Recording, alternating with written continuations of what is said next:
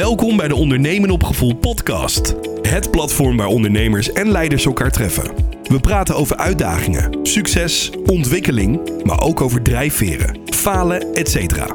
Waarom doen we wat we doen? Hoe komen we vooruit? Het gaat niet alleen om harde feiten, maar ook over wat we als leider voelen.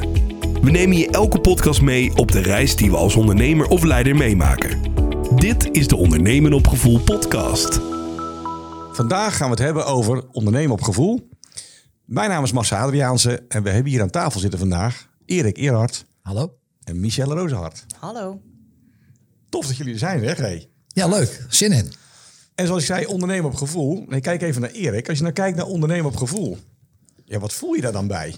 Ja, dat is een hele goeie. Hè? Vroeger zeiden ze altijd van je moet eh, je onderbuik moet je naar luisteren. Hè, Je lichaam waarschuwt je wel voor bepaalde dingen. Ik denk dat dat met gevoel te maken heeft. Want iets klopt of iets klopt niet. Maar ik denk dat het voor iedereen persoonlijk is. Iedereen heeft zijn, eigen, zijn of haar eigen gevoel erbij, denk ik. En dan zeg jij, het klopt wel of het klopt niet. Maar als je dan kijkt naar ondernemerschap en hoe jij in het leven staat als ondernemer. en Je bent ondernemer. Kun je me dan een voorbeeld geven wanneer het dan klopt en wanneer het niet klopt? Ja, dat is, dat, dat is, als het niet klopt, dan is het een soort van angstgevoel, denk ik, of zoiets. Hè, dat je dat ook gelijk, gelijk merkt, dat er een, een, een raar gevoel door je lijf gaat. van, Oeh, dit klopt niet. Dit, vind ik een beetje angstig. Ik heb hier geen grip op, zeg maar. Oké. En als het goed is, ja, dan heb je gelijk dat. Dan, ik, dan merk ik ook, dan ga je gelijk rechterop zitten, rechterop staan. En dan heb je gelijk dat overwinningsgevoel van je. Ja, dus angst vind ik wel interessant. Want angst natuurlijk kiezen, ja, dat, daar hoor je natuurlijk heel veel over. En als je kijkt naar ondernemerschap, dan zie je dat angst is natuurlijk een slechte raadgever. Maar angst is ook wel iets waar je zegt van ja, dat, wil, ja, dat weerhoudt je ook om wel bepaalde beslissingen te nemen. We hebben het over gevoel, we hebben het over ondernemerschap, ook een beetje intuïtie misschien wel. Maar wat zou er nodig zijn om uiteindelijk te zorgen dat je die angst kunt overwinnen, zeg maar? Ja, veerkracht. Veerkrachtig zijn. En, en wat ik belangrijk vind, misschien ook wel, als je het even niet weet, de hulpvraag stellen. Oh ja, dat is wel mooi. Ja. En ja, je noemt veerkracht, hè? Ik kijk naar Michelle. Als je kijkt naar veerkracht, Michelle, wat, wat komt er dan bij jou omhoog? Veerkracht. Veerkracht is denk ik iedere keer weer opstaan. Hè? Eén keer vaker opstaan dan dat je gaat liggen of valt. Is, is dat het? Ik ben daar een beetje zoekend in. Veerkracht. Veerkracht is, ja, dat is het denk ik. Eén keer vaker opstaan dan dat je valt. En voor wat betreft dat stukje angst. Ik denk dat angst helemaal niet per se een slechte raadgever is. Maar dat het ook nog een tegengestelde raadgever kan zijn. Ja, die zal ik even uitleggen. Ja, dat lijkt me een goeie. Angst is een, ik denk dat angst een hele goede reden kan zijn om juist iets wel te doen, eerlijk gezegd. Kan. Angst Dat is je, mij je, niet- dat je over een grens heen moet of zo. Nou, precies dat. Ehm, wat voor mij wel een belangrijk is, is mijn nekhaar. Als die overeind gaan staan, dan is het mis. Maar dat is iets anders dan angst. Angst kan ook het onbekende zijn, hè? Bang zijn voor wat er komt als je springt. Nou, het leuke wat ik bij jou voel, Michelle, is dat je zegt... je angst zorgt ook wel voor een soort van nieuwsgierigheid. En, Precies. en kijk, je reageert er ook zo op. Dus als, nou, als, je nou, als je het nou hebt over die nieuwsgierigheid... dus jij zegt eigenlijk van... Ik, misschien is er wel angst. Je hebt een bepaalde veerkracht. En die veerkracht die je dan hebt... zorgt eigenlijk dat je je nieuwsgierigheid aanwakkert. En misschien ook een beetje nou, van... ja, weet je, wacht even... Het, het lijkt wel of ik het niet kan, of dat het fout gaat, of dat ik er bang voor ben. Maar ik ga toch eens even het tegendeel bewijzen. Ja, angst is denk ik, als ik ergens bang voor ben, dan loop ik tegen mijn eigen grens aan. En dat vind ik spannend, dus dan vind ik iets eng. En dat is een teken dat ik er juist overheen moet, omdat ik anders tegen, tegen een groeiprobleem aan, dan kan ik niet verder. Ja. ja. Je ziet natuurlijk al heel veel mensen tegen hun eigen grenzen aanlopen. Maar hoe ga je daarmee om? Jij zegt van ik voel dat dan, hè? Maar neem nou de luisteraar eens in mee. Als je kijkt van eh, eh, dat toepasbaar makend. St- Stel dat je dan tegen zo'n grens aanloopt. Oh, dat heb ik moeten leren. Sowieso, het ondernemerschap vond ik heel spannend. Ik ben opgeleid als jurist. Juristen zijn opgeleid om risico's te voorkomen, om heel voorzichtig te zijn. Dus ik ben opgeleid om geen risico's te nemen. Ja, dat snap ik vanuit je opleiding. Zeker, ja. Precies. Ehm, nou ja, de gemiddelde bedrijfsjurist eh, is ook niet altijd even geliefd. Dat is omdat je risico's in kaart brengt en zegt nee, moet je niet doen, want het is gevaarlijk. Dus een stuk, stuk misschien ook wel angst gebruiken als instrument om te zorgen dat jij jouw professie uit kunt oefenen. Dus op het moment dat je dan als jurist wilt gaan ondernemen, moet je, over die moet je anders na gaan denken. Moet je over die barrière heen. Dus dat was denk ik voor mij de grootste stap die ik moest zetten om überhaupt te kunnen gaan ondernemen. Toen ik die stap eenmaal gezet had, want dat is dan toch verstand op nul, blik op oneindig en het doen. Er is niemand anders die voor jou die handtekening onder de Kamer van Koophandel eh, inschrijving zet. Dat moet je zelf doen. Toen ik die stap gezet heb, en ook hè, met behulp van een heleboel mensen die die stap al eerder gezet hebben en mij daarin gesteund hebben. En die zeiden: Het komt goed, dit, hè, ga, het gewoon, ga het gewoon doen. Toen is het goed gekomen. Ik denk dat het een kwestie is van het een aantal keer doen. En, en dat kan op kleine stukjes. Hè. Je hoeft niet gelijk een levensveranderende eh, barrière over te stappen. Je begint met kleine dingetjes. Dat was voor mij, ja, dat is misschien helemaal niet zo'n heel klein dingetje, maar een kantoor huren. Vond ik heel spannend. Want op het moment dat je een kantoor huurt, ga je een maandelijkse verplichting aan. En dat betekent dat je dus maandelijks inkomen moet genereren. Maar ging het om de, het geld wat je daarvoor kwijt zou zijn? Of is het ook van, oeh, dit is weer een nieuwe stap? De verpli- Dat nee, dat een was puur de symbolisch- verplichting. Dat was echt de verplichting. Het feit dat ik maandelijks eh, aan iemand iets moest betalen, waardoor ik dus ook een, een inkomensstroom moest gaan genereren. En erop moet vertrouwen dat ik volgende maand ook mijn kantoorwerk kan. Dus je verplichtte jezelf Ja. misschien om dus omzet te gaan maken. Ja, Om te kunnen betalen. ja, precies. En Ja, vond ik heel spannend. Nou, Michelle, ik ben nog wel op, op, op zoek naar, naar het antwoord. Je zegt van, ik heb dan die verplichting. Het is een beetje spannend. Het is misschien een beetje angst. Uiteindelijk ben je die verplichting aangegaan. Je hebt het dus gedaan. En En wat zit daartussen? ja, hoe, hoe, heb je dat voor, hoe, hoe, hoe doe je dat? Want je gaf een beetje aan van, goh, ik spreek dan ook met andere mensen om me heen. Hè, we noemen dat al zeg maar onze cheerleaders. Die ons zeg maar het vertrouwen geven van, kom op Michelle, je kan het. Maar uiteindelijk zoek ik dan nog wel even het antwoord op de vraag van... Ja, wacht even. Ik, ik, ik ga dat contract tekenen. Ja, dat, dat is een stuk persoonlijke ontwikkeling geweest. Dat is eh, voor mij het loslaten van dat risicodenken geweest. Een stuk persoonlijke ontwikkeling, je zelfvertrouwen opbouwen. Ja, en ook risico's durven nemen. Ik denk dat dat voor mij het belangrijkste was. Wat gebeurt er als dit fout gaat? Nou ja, dan zeg ik het contract op. Dan neem ik Ja. mijn verlies en dan begin ik weer. Ja, dan zie je eigenlijk, hè, dat is ook zo mooi, hè, dat eh, alle angsten die je hebt, ja, als er 10% van uit zou komen, zou het heel veel zijn. Dat is eigenlijk wat het is. Dus je hebt voor jezelf zoiets van, oké, ja, het is spannend, maar ik voel eigenlijk ook wel van, nou, het, het, hè, wat is het risico wat ik loop? En Ja. ze zeggen wel eens van, zolang jij niet dood aan gaat, word je er sterker door. Dat is natuurlijk heel makkelijk gezegd, maar kennelijk heb jij, je hebt losgelaten en je hebt je persoonlijke ontwikkeling ingezet. Doordat je ook met heel veel andere mensen gesproken hebt. En misschien daar wel, en dan heb je het over dat ondernemen op gevoel. Dat je ook wel hè, jouw intuïtie hebt laten werken. En daardoor ook wel voelde van... joh, als ik dit contract teken in dit voorbeeld... ja, dan kan eigenlijk niet heel veel misgaan. Nou, weet je, als je, het, als je het heel concreet maakt, wat voor mij een heel groot struikelblok was, was het stukje financiën. Sowieso om te gaan ondernemen. Toen ben ik er een avond voor gaan zitten en heb ik samen met mijn man gewoon eens onze vaste lasten onder elkaar gezet. Wat gaat er iedere maand uit? Wat komt er iedere maand in? Zit daar een gat tussen? Nou, dat was op dat moment toen ik in loondienst was eh, eh, niet het geval.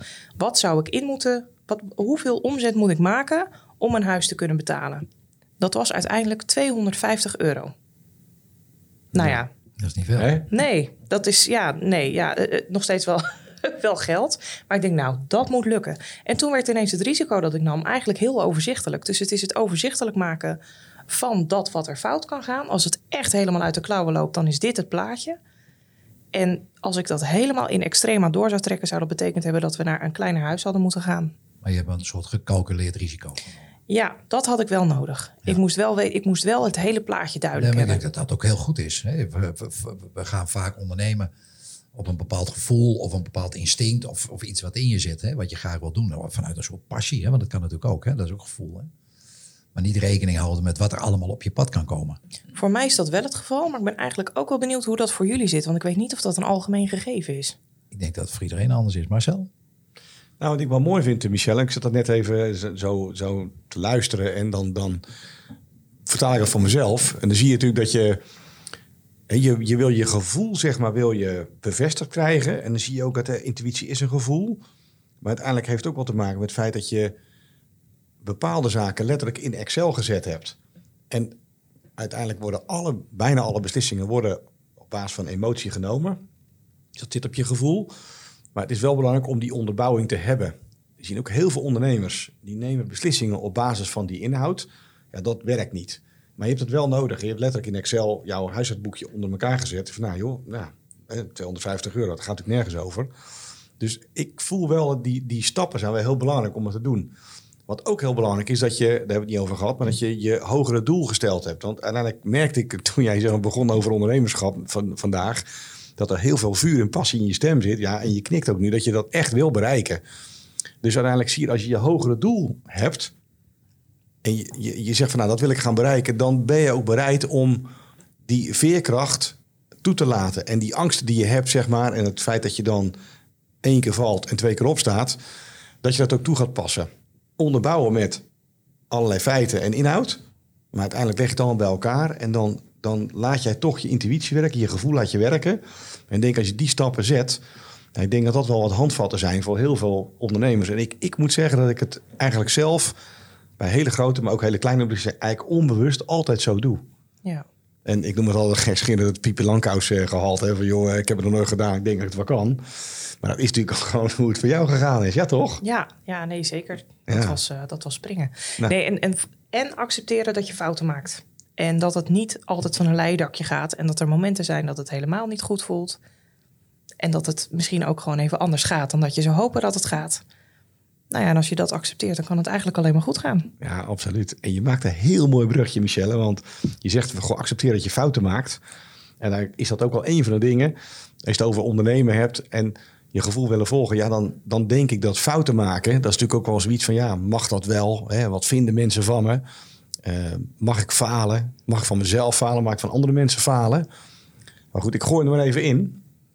Ik zeg thuis altijd van... joh, ja, weet je, de mensen maken heel veel fouten... maar ik maak misschien wel de meeste fouten van ons allemaal... Dus ik ben eigenlijk wel benieuwd hoe jullie dat zien. Als je kijkt naar ondernemerschap en fouten maken. Dan kijk naar Erik. Ja, hoe, hoe, hoe ervaar jij dat als je een fout maakt? Of dat ziet of ervaart? Fout hoort erbij. Ik bedoel, niks gaat perfect. Niks gaat van een leien dakje. Hè? Je krijgt altijd met weerstanden te maken. Of, en, hoe ga je daarmee om? Maak je dan een foute inschatting? Eh, je doet, ik denk, denk dat je op dat moment gewoon een besluit neemt op basis van de feiten en kennis en ervaring die je op dat moment hebt. En is dat achteraf een fout? Ja, dan kun je misschien achteraf een fout noemen. Maar het is een, momentopname waarop je dat, dat besluit neemt. Een wel overwogen besluit. Hè? Kan ook een heel impulsief eh, besluit wezen, maar ook dat wordt vaak ingegeven op het gevoel wat je op dat moment hebt. Kun jij, kun jij een voorbeeld, kun je ons meenemen in een voorbeeld vanuit je ondernemerschap waar je zegt van, ah joh, fuck, weet je dat, dat, dat heb ik gedaan, dat is echt helemaal fout gelopen. En wat deed dat met je? Heb je daar een voorbeeld bij? Ja, ik wilde, we kijken, 12, 13 jaar geleden beginnen met iets wat ik nu aan het doen ben. Alleen eh, onder druk van financiën, zeg maar, heb ik, toen, heb ik toen een klus aangenomen, waardoor ik eigenlijk helemaal van mijn pad afging, wat ik niet wilde. Dus dat voelde ik later achter, maar dat is normaal achteraf, voelde ik dat als een, als een fout, zeg maar. Ik had gewoon mijn pad moeten blijven volgen. Eh, eh, het- Waarom het- voel je, waarom voel je het als een fout? omdat ik ehm, het eigenlijk achteraf helemaal niet leuk vind wat ik ging doen. Maar Dus ik je deed het onder druk van geld, deed ik dat. Ja, dus doen om de poen. Doen om de poen. Altijd fout. Nee, maar goed, je hebt op dat moment, hè, dan krijg je dat huishoudboekje weer, wat je dan thuis hebt. Ja, ik moet wel geld verdienen, want ik heb wel een gezin met drie kinderen thuis. Hè, en op dat moment was ik nog getrouwd. En dan maak je dat besluit, ja, we moeten wel eten. Maar als ik iets meer geduld had gehad, dan had ik veel eerder kunnen doen wat ik nu gedaan heb. Aan de andere kant, misschien heb ik nu eh, eh, die les ook moeten leren, zeg maar, om... eh, Nou, het om- heeft om je het dus ook wel. Het, Het heeft ook wel wat gebracht. dus- Ja, Ja, maar ik heb het heel lang als een, als een fout gezien. oké. En hoe lang is heel lang? Acht jaar? Zo, dat is heftig. Ja. Zie je het nog steeds als een fout? Nee, nee, nee, nee, nee, dat zeg ik. Je, je komt, je hebt, soms heb je de bepaalde dingen in je leven nodig om ergens te komen. Hè, over veerkracht gesproken. Eh, maar ik heb daar best wel lang, eh, lang, eh, lang over nagedacht, ja. Dat ik dacht van, goh, had ik maar dit en had ik maar dat. Maar op een gegeven moment denk ik, ja, dat, wat ik dus net zei, hè, als je, eh, je maakt een besluit op dat moment met de, met de ervaring en de wetenschap en de noodzaak misschien ook wat die er op dat moment is. En dan maak je een keuze. Ja, dus eigenlijk is het wel super tof dat je die fout gemaakt hebt. Het heeft een beetje lang geduurd om er vanaf te komen. En veel geld gekost, krijg je wel. Maar goed, dan heb je ook wat, hè? Dan heb je ook wat, hè? Ja, ik had niks. maar goed, ook dat is nodig geweest. Maar weet je, het, het, het, het, ehm, als we het dan hebben over gevoel. ehm, mijn onderbuik die, die gaf al aan van ja, ik moet dit eigenlijk helemaal niet doen. Maar ik heb het wel gedaan. Ja, onder druk. Onder druk. Ja. En en, en dat, is, dat is iets waar je, waar je dan, dat is het leermoment wat je dan hebt. Dat je op een gegeven moment leert van, oh wacht even, ik moet dus niet, even niet te snel een beslissing nemen. Ik moet even naar mijn onderbuik luisteren. En klopt het met wat ik op dat moment, wat past in mijn leven en wat belangrijk nog, wat past bij mij? Waar word ik, waar word ik blij van? Hè? Waar ga ik van aan? Nou is die onderbuik, hè, daar hebben we het natuurlijk vrij regelmatig over. Eh, want je moet vertrouwen op je onderbuik, je moet vertrouwen op wat je voelt. Waar ik wel altijd een beetje tegenaan loop met die term, is dat we dat niet concreet kunnen maken. Wanneer is een onderbuikgevoel nou een, on- een gevoel waar je op kan bouwen? Ja, maar ik denk dat dat ook voor iedereen verschillend is. We Ja, zijn is allemaal anders. We zijn allemaal anders. Iedereen interpreteert het ook weer op zijn of haar manier vanuit de ervaring en de context waar, eh, waarin je bijvoorbeeld bent opgegroeid. Of waarmee je waar- de ervaringen die je hebt opgedaan op een gegeven moment. Dat is voor iedereen anders. Hè. Wij kunnen nu samen in een auto stappen en we kunnen een ongeluk krijgen. Maar mijn beleving van het ongeluk is heel anders als jouw beleving van het ongeluk. Ja, maar in principe de beslissing die jij en ik zouden moeten nemen. Hè? Stel, we pakken even jouw situatie van acht jaar geleden. Of langer geleden, ik weet niet precies wanneer het was. Maar wij pakken die situatie, wij zitten daar allebei in. We lopen allebei aan tegen een beslissing die we willen gaan nemen vanwege het geld dat daar aan vastzit. Dan zouden voor jou en mij, de beslissing zou hetzelfde moeten zijn. Namelijk, we doen het niet. Maar jouw gevoel is anders dan mijn gevoel erbij. Ja, dat vraag ik me dus Ja. af. Of we daar niet de standaard in zouden kunnen. Ja, Ja, maar ik, ik gevoel denk, kan nooit standaard zijn. Nee, maar datgene waar je je beslissing op bouwt, denk ik wel. Nou, wat ik bij jullie allebei voel en proef, is als je, een, hè, je maakt een keuze en dan zie je dat al- als er druk ontstaat, dan ga je dingen doen om verkeerde redenen. En bij Erik is dat heel duidelijk. Hè? Die had, en bij jou eigenlijk misschien ook wel. Die zegt van, goh, ik, eh, ik, ja, ik, ik heb centjes nodig om letterlijk boodschappen te kunnen doen. En daardoor ga ik dan dingen doen. Hè? Doen om de poen. En ik heb er eens vaker een anekdote over verteld over mijn dochter, zeg maar, die met paardrijden in een galop zit. En ik stond aan die bakrand en ik stond daar te kijken en die instructrice gaf les. En uiteindelijk ging mijn dochter in galop. En toen zei die instructrice van, joh, hey, is die galop van jou? En ik stond zo te kijken en ja, het ziet er toch allemaal goed uit, weet je wel. Ze zat erop, het ging allemaal keurig, zat rechtop, de paard in galop. Maar dat ze, een paar keer riep ze dat in die les. En toen had ik om duur in de gaten dat je kunt op twee manieren iets starten. Je kunt als ruiter in deze anekdote kun je een paard in de galop zetten, waardoor dat paard in galop gaat. En dan is het dus van jou. Of dat paard denkt van, nou joh, ik heb een mooie dag vandaag. Ik heb er zin in. Weet je wat? Ik ga eens lekker in die galop. En dan is de aanzet is dus anders. Dus uiteindelijk zie je dat de parallel, Erik, is dat jij bent iets gaan doen. Uiteindelijk ben je dat werk gaan doen. Aan de buitenkant zeggen misschien, nou, die is goed bezig. Hij heeft een mooie baan, heeft de centjes. Hij kan weer boodschappen doen. Hij verdient geld. Maar jij was er gewoon echt niet gelukkig mee. Nee. En ik merkte aan mijn dochter dus ook, die was dus ook niet gelukkig dat ze op dat paard zat, die in galop ging. Want eigenlijk is dat dan gevaarlijk en waar gaan we heen? Hoe hard gaat dat dan? Kun je nog stoppen, ja of nee? En onder druk gaan dus dat soort dingen gebeuren. En dan maak je dus verkeerde beslissingen. Op het moment dat jij in controle bent en je kunt iets meer de tijd nemen om te zeggen van hé, hey, welke stappen ga ik zetten? En hoe doe ik dat dan? Welke beslissingen neem ik? In het geval van mijn dochter, welk commando geef ik? Wanneer is het, wanneer is het start zijn? Ja, dan heb je een hele andere manier van ondernemen. Maar dan is het ook helemaal niet erg om een fout te maken, denk ik. Want ja, ik weet zeker dat als bij jou fout gelopen zou zijn, Michelle, en je had uiteindelijk de huur niet kunnen betalen van dat pand, dan weet ik zeker je gezegd van, joh ja, joh, jammer dan. En jouw man, Bob, had het ook gewoon begrepen. 100% Ja, dat eens. klopt. En waarom? Omdat je het overlegd had met elkaar. Het was jouw galop, jij was in controle, je had het voor jezelf georganiseerd. Dus ik denk dat dat misschien wel mooi is om aan de luisteraars ook mee te geven. Dat op het moment dat je voelt dat je ja, dus niet in controle bent, dat je dus eigenlijk een soort van op een paard zit in galop, terwijl jij denkt van ja, oh, wacht even, waar gaat hij heen? Ja, dan kun je nog steeds fouten maken. Maar dan zijn het geen lessen waar je echt heel veel aan hebt, denk ik. Kun je dan ook zeggen dat, het, dat je dan... eh, doe je het op de anders, energie, anders zijn of haar energie... of doe je het op je eigen, eigen energie? Want dat haal ik er ook een beetje uit. Hè? Van als ik het op mijn eigen energie doe... dan weet ik dat het van mij is. Ja, Maar als ik me laat meeslepen Ja. op een andermans energie... wat op zich in het begin helemaal niet zo erg is... Hè? Dat, je, dat iemand anders jou eens even meeneemt in die energie. Zeker. Maar uiteindelijk moet het wel weer jouw eigen energie worden. Ja, en we weten allemaal van de mensen die we spreken, hè, 100% eens, dat als je natuurlijk met ondernemerschap begint, dan is natuurlijk een spanningsveld tussen ik kom uit een baan, ik heb zekerheid, en uiteindelijk wil ik gaan ondernemen en heb ik geen zekerheid en ik heb dat geld nodig. Dus dan kun je prima een hybride vorm inzetten. Het gaat erom dat jij inderdaad dingen gaat doen op de energie van de ander. Dus met andere woorden, ik zeg mijn baan op, ik heb geen geld. En ik ga zeg maar huurcontracten aan, ik ga allerlei verplichtingen aan.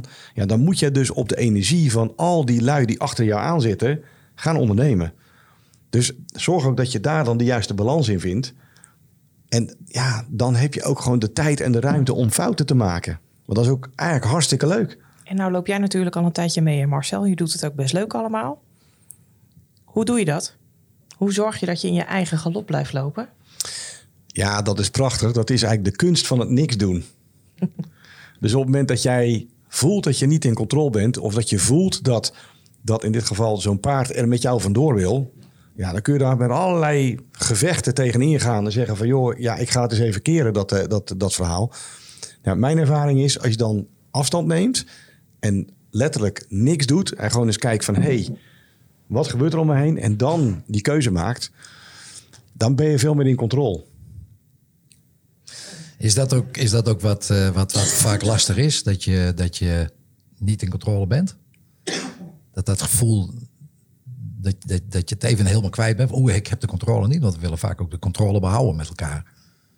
Ja, jij zegt Erik, dat, is het lastig dat je niet in controle bent, dat gevoel. Kijk, dat, ja, dat, natuurlijk is dat vervelend. je kan het ook loslaten. Ik kan ook zeggen van, joh, weet je, ik laat het even lekker los. Hè, wat je net zegt van, uh, ik laat de boel de boel even. Hè, dat is eigenlijk wat je net even aangaf. Hè. Ga even, even, even stilstaan bij wijze van spreken. Maar dat je de controle misschien even aan een ander overlaat. Dat is ook een soort van angst. Hè? Van, oeh, ja, dan heb ik het zelf niet meer onder controle. Nou, kijk, dat gevoel om die controle kwijt te zijn. Ik persoonlijk vind dat niet heel erg. Ik vind het juist fijn om met andere mensen samen te werken. En hè, die cheerleaders waar, waar, waar, je dan, waar je dan vertrouwen uit kunt putten, zeg maar. Ook gewoon even te raadplegen of misschien wel dingen te laten doen. Uiteindelijk vind ik wel dat je die fouten echt wel zelf moet maken. Omdat je er anders gewoon niet van kunt leren. Mhm. Dus ja, ik, ik, ik vind dat niet erg om die controle kwijt te zijn. Maar ik kan me voorstellen dat als je iets meer met perfectie bezig bent, dat dat vervelend is. En dat je denkt van ja, wacht even, nee, het moet gaan op mijn manier. Ik heb dat zelf niet. Nee, oké, dat, dat, dat kan. Weet je, hoe werkt dat voor jou, uh, Michelle? Want je bent op een gegeven moment vorig jaar begonnen. Hè? Uh, en, en, en inderdaad, nou ja, dat scheelt dan 250 euro. Ja, nou ja, die 250 euro heb ik nog geen maand gemist hoor. Dat, dat, dat ging uiteindelijk prima. En waar dat in zat, is dat ik die controle uiteindelijk wel gehouden heb. Um, hoe heb ik dat gedaan? Ik merk dat ik nu in een fase zit waarin ik dat iets lastiger vind, overigens. En dat zit erin. Je, je, je start je bedrijf, je stapt daarin. Het gaat lekker, je gaat mee in wat er komt. Zeker in zo'n eerste jaar is het gewoon heel fijn dat er werk komt. En dan ook nog enigszins in de richting waar je naartoe wil. En ik merk dat ik nu denk, ja jongens, maar dit is niet hoe ik het bedacht had. Dit is niet de kant die ik op zou gaan nou ja, een kleine spoiler. Ik ga niet iets heel anders doen, maar het moet, er moeten nuances. bijsturen. Ja, precies. Er moeten nuanceveranderingen in, uh, in komen om goed te kunnen waarmaken waar ik naartoe wil. Dus controle houden is wel belangrijk. En dat af en toe even herijken. Eventjes de tijd nemen hè, uh, voor de zolderkamer waar Marcel het altijd over heeft. Om te gaan zitten, stil te zijn, na te denken. Is enorm belangrijk om op tijd bij te kunnen sturen. En te zorgen dat je dus in controle blijft. Tegelijkertijd vind ik het ook een leerproces om even niet in controle te zijn. En ook gewoon wel even door mijn agenda geleefd te worden. Want werk moet gewoon af. Ja. Nou ja, daarin, als je te veel hooi... Ik, ik denk dat je als ondernemer snel geneigd bent om te veel hooi op je vork te nemen. Dat is namelijk wat, wat ondernemen is. Nieuw hooi op je vork nemen. voor mij in ieder geval. Dus op het moment dat dat te veel hooi wordt... Dan, heb, dan kan je dat niet meer kwalitatief behandelen. Dus dat, dat, dat stukje controle, die balans, daar ben ik nu wel naar op zoek. En ook dat is een leerproces. Maar dan zie je eigenlijk, Michel, dat je neem te veel hooi op mijn vork. Dat zou dan als een fout bestempeld kunnen worden. Hè? Je zegt van, god, dat gaat er niet helemaal goed. Maar uiteindelijk zie je dus dat het gewoon dat doen... uiteindelijk die grenzen zeg maar opzoeken... Ja, ik zeg altijd maar, joh, doe het gewoon. Ja, je moet er tegenaan lopen om te weten dat er een grens is. Ja, ja, absoluut. En je kunt natuurlijk daar zelf tegenaan lopen. Je zegt van, nou joh, wacht even. Ik voel aan mijn lijf of ik voel gewoon dat, dat, dat ik over mijn grens heen ga. Maar het kan ook zijn dat er andere mensen om jou heen zijn... die natuurlijk aangeven, joh, ik loop... Ja, wacht even, jij loopt over die grens, jij loopt over die grens heen. En we hebben het al vaker over gehad, hè, want uiteindelijk... We hebben het gehad vandaag over veerkracht en over fouten maken. Maar je ziet dat we ook al een paar keer gesproken hebben over, uh, over cheerleaders. En als ondernemers hebben we die ook gewoon keihard nodig. Hè, cheerleaders die ons af en toe eens even uit de put trekken op het moment dat het even niet meer loopt. Of juist helemaal mooi aan gaan moedigen op het moment dat het super gaat. Mensen die blij zijn dat het je lukt, dat is zo belangrijk. En dat merk ik nu ook. Ik heb ook echt het afgelopen jaar wel een shift in mijn sociale kring gezien. Dat vond ik heel spannend om dat te laten gebeuren. Om te zien, oké, wie, wie laat ik nu toe en wie blijft er dan? En dan gebeurde het ook natuurlijk, als, op, als in een natuurlijke manier, dat bepaalde mensen afstand nemen. Dat er afstand ontstaat. Want ja, ik sla nu verjaardagen over omdat ik aan het werk ben. En morgen uh, kan het zomaar zijn dat ik een afspraak af moet zeggen, omdat er vandaag een spoedopdracht binnenkomt. En op het moment dat je uh, nou ja, daar in je sociale kring begrip voor hebt, omdat je bezig bent met iets groters bouwen, dat, dat is dan, hè, het moet altijd bijdragen aan dat grotere doel. Je hebt mensen nodig om je heen die dat snappen, die ook bezig zijn met zo'n groter doel. Dat hoeft niet hetzelfde doel te zijn, maar die ook dat, dat, dat, dat gebruis in hun aderen hebben, die ook die onrust hebben, die ook door willen naar dat uh, volgende niveau of, of naar hun doel. En als je die mensen om je heen verzamelt, dan zijn dat denk ik vaak ook de cheerleaders waar jij het over hebt, Marcel.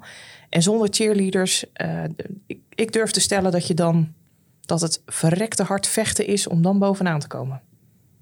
Ja, dat is mooi dat je dat zegt. je ziet dat heel veel mensen het gevoel hebben dat ze eenzaam zijn. Het is it's lonely at the top. En als jij ondernemer bent, dan sta je gewoon eenzaam aan de top. Al ben je alleen, dan ben je, ben je eenzaam en heb je een organisatie.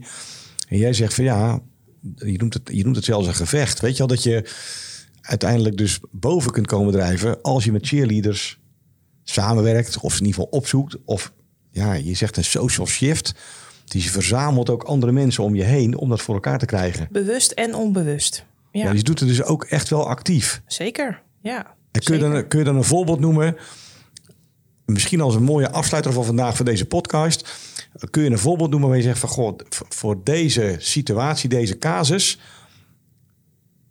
ja, had ik een cheerleader nodig en die heb ik ook echt opgezocht. Oh zeker, ja, dat, dat dateert al van iets langer geleden. Ik werkte voor justitie en dat deed ik met hart en ziel. Ik geloof ook nog steeds echt enorm in het werk dat justitie doet en in de mensen die daar werken, maar ik liep enorm tegen het systeem aan. En op een gegeven moment liep het systeem ook tegen mij aan. Dus dat ging niet zo lekker. Dat was een beetje een clash. Nou ja, toen kwam er op een gegeven moment een reorganisatie en uh, ik had geen vast contract. Nou ja, dan is het 1 en 1 is 2, zal ik maar zeggen. Maar dat deed me enorm veel pijn. Ik heb zes jaar lang keihard gewerkt. Uh, ook avonden gewerkt, weekenden gewerkt. Nou ja, alles in ieder geval om de wereld een beetje mooier te maken. Want met die missie zat ik daar. Bijdragen aan een mooiere wereld. En toen stopte dat daar. En dat vond ik heel ingewikkeld, want ik was met die reden rechten gaan studeren. En dat was de reden dat, uh, dat ik, nou ja, waarvoor ik leefde klinkt misschien een beetje drastisch, maar kwam de, dat was wel waar mijn werkzame leven om draaide.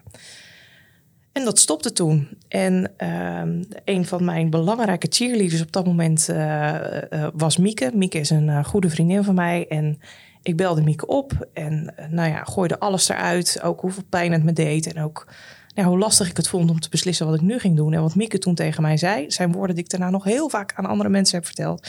Wat zij zei was, Michelle, als jij gaat bewegen, dan komt alles om je heen ook in beweging. En dat is iets, dat is zo ontzettend waar. En op dat moment dacht ik, mens, zweef niet zo. heb ik nooit tegen haar gezegd, maar dacht ik toen wel. En nu denk ik, ja, je hebt zo ontzettend gelijk. Ja. ja. Ja, het is mooi, Michelle. Het is echt een gave afsluiter van vandaag. Als jij in beweging komt, dan komt de rest om jou heen ook in beweging. Ik denk dat het precies is, als je het hebt over ondernemen op gevoel, volg daar je eigen gevoel. Ja, kijk naar je eigen veerkracht, maak fouten en blijf vooral in beweging. Zo is dat. Ja, dat is gaaf hoor. Hé. Ja. Nou, lieve mensen, Erik, dank je wel. Graag gedaan. Michelle, dank je wel Heel voor deze gave podcast. En ja, we kijken alweer naar de volgende. Dankjewel. Dit was weer een aflevering van de Ondernemen op Gevoel podcast. Dank voor het luisteren. Ben je geïnspireerd geraakt en wil je meer weten? Check dan onze website ondernemenopgevoel.nl. We hopen natuurlijk dat je de volgende keer weer naar ons komt luisteren.